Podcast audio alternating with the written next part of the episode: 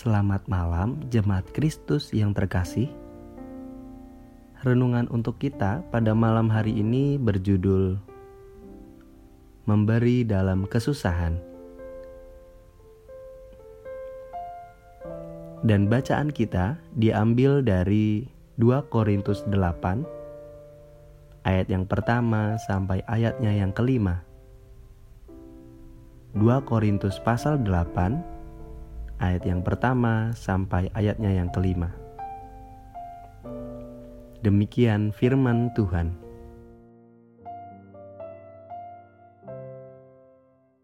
Saudara-saudara, kami hendak memberitahukan kepada kamu tentang kasih karunia yang dianugerahkan kepada jemaat-jemaat di Makedonia.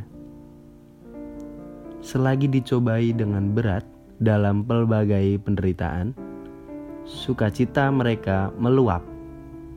Dan meskipun mereka sangat miskin, namun mereka kaya dalam kemurahan.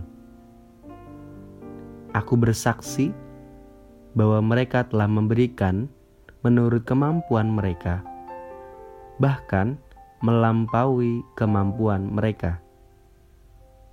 Dengan kerelaan sendiri, mereka meminta dan mendesak kepada kami supaya mereka juga beroleh kasih karunia untuk mengambil bagian dalam pelayanan kepada orang-orang kudus.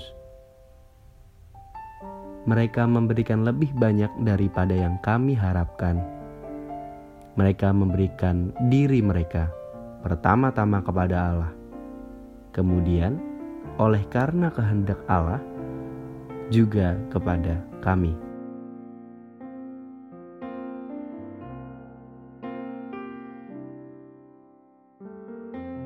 Dimulai dari saat usianya menginjak lanjut, yaitu 74 tahun, seorang kakek di China bernama Bai Fangli menjadi inspirasi bagi banyak orang. Di dalam kesederhanaan hidup sehari-hari, Bai Fangli mempunyai hati yang begitu besar bagi sesama.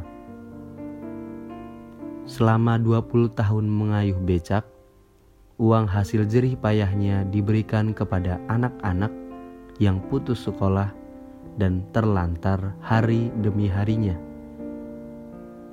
Hingga akhir hayatnya, sudah ratusan anak yang terbantu dengan kedermawanan Bai Fangli. Kata-katanya yang tidak bisa dilupakan adalah tidak apa-apa saya hidup menderita. Yang penting anak-anak miskin itu bisa makan dengan layak dan dapat bersekolah. Saya bahagia melakukan semua ini. Jemaat di Makedonia pada zaman Paulus juga memberikan teladan yang sama seperti kakek Bai Fangli ini. Saat itu jemaat Makedonia begitu kesusahan.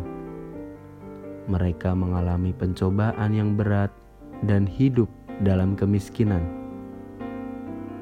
Namun, karena kemurahan hati mereka, mereka masih mau memberikan persembahan yang digunakan untuk membantu jemaat di Yerusalem.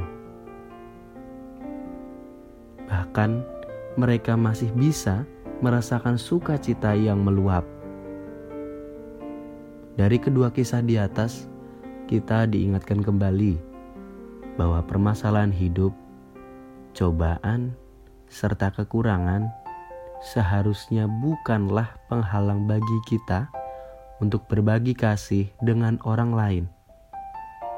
Bahkan, dengan kita bisa berbagi kasih dengan orang lain, di sanalah sukacita akan meluap di dalam hati kita. Selamat berbagi kasih dan sukacita dengan orang lain. Meskipun sulit, biarkanlah kasih karunia Allah yang mendorong kita untuk berbagi di dalam kesusahan.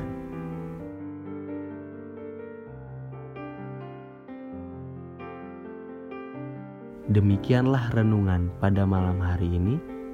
Semoga damai sejahtera dari Tuhan Yesus Kristus tetap memenuhi hati dan pikiran kita. Amin.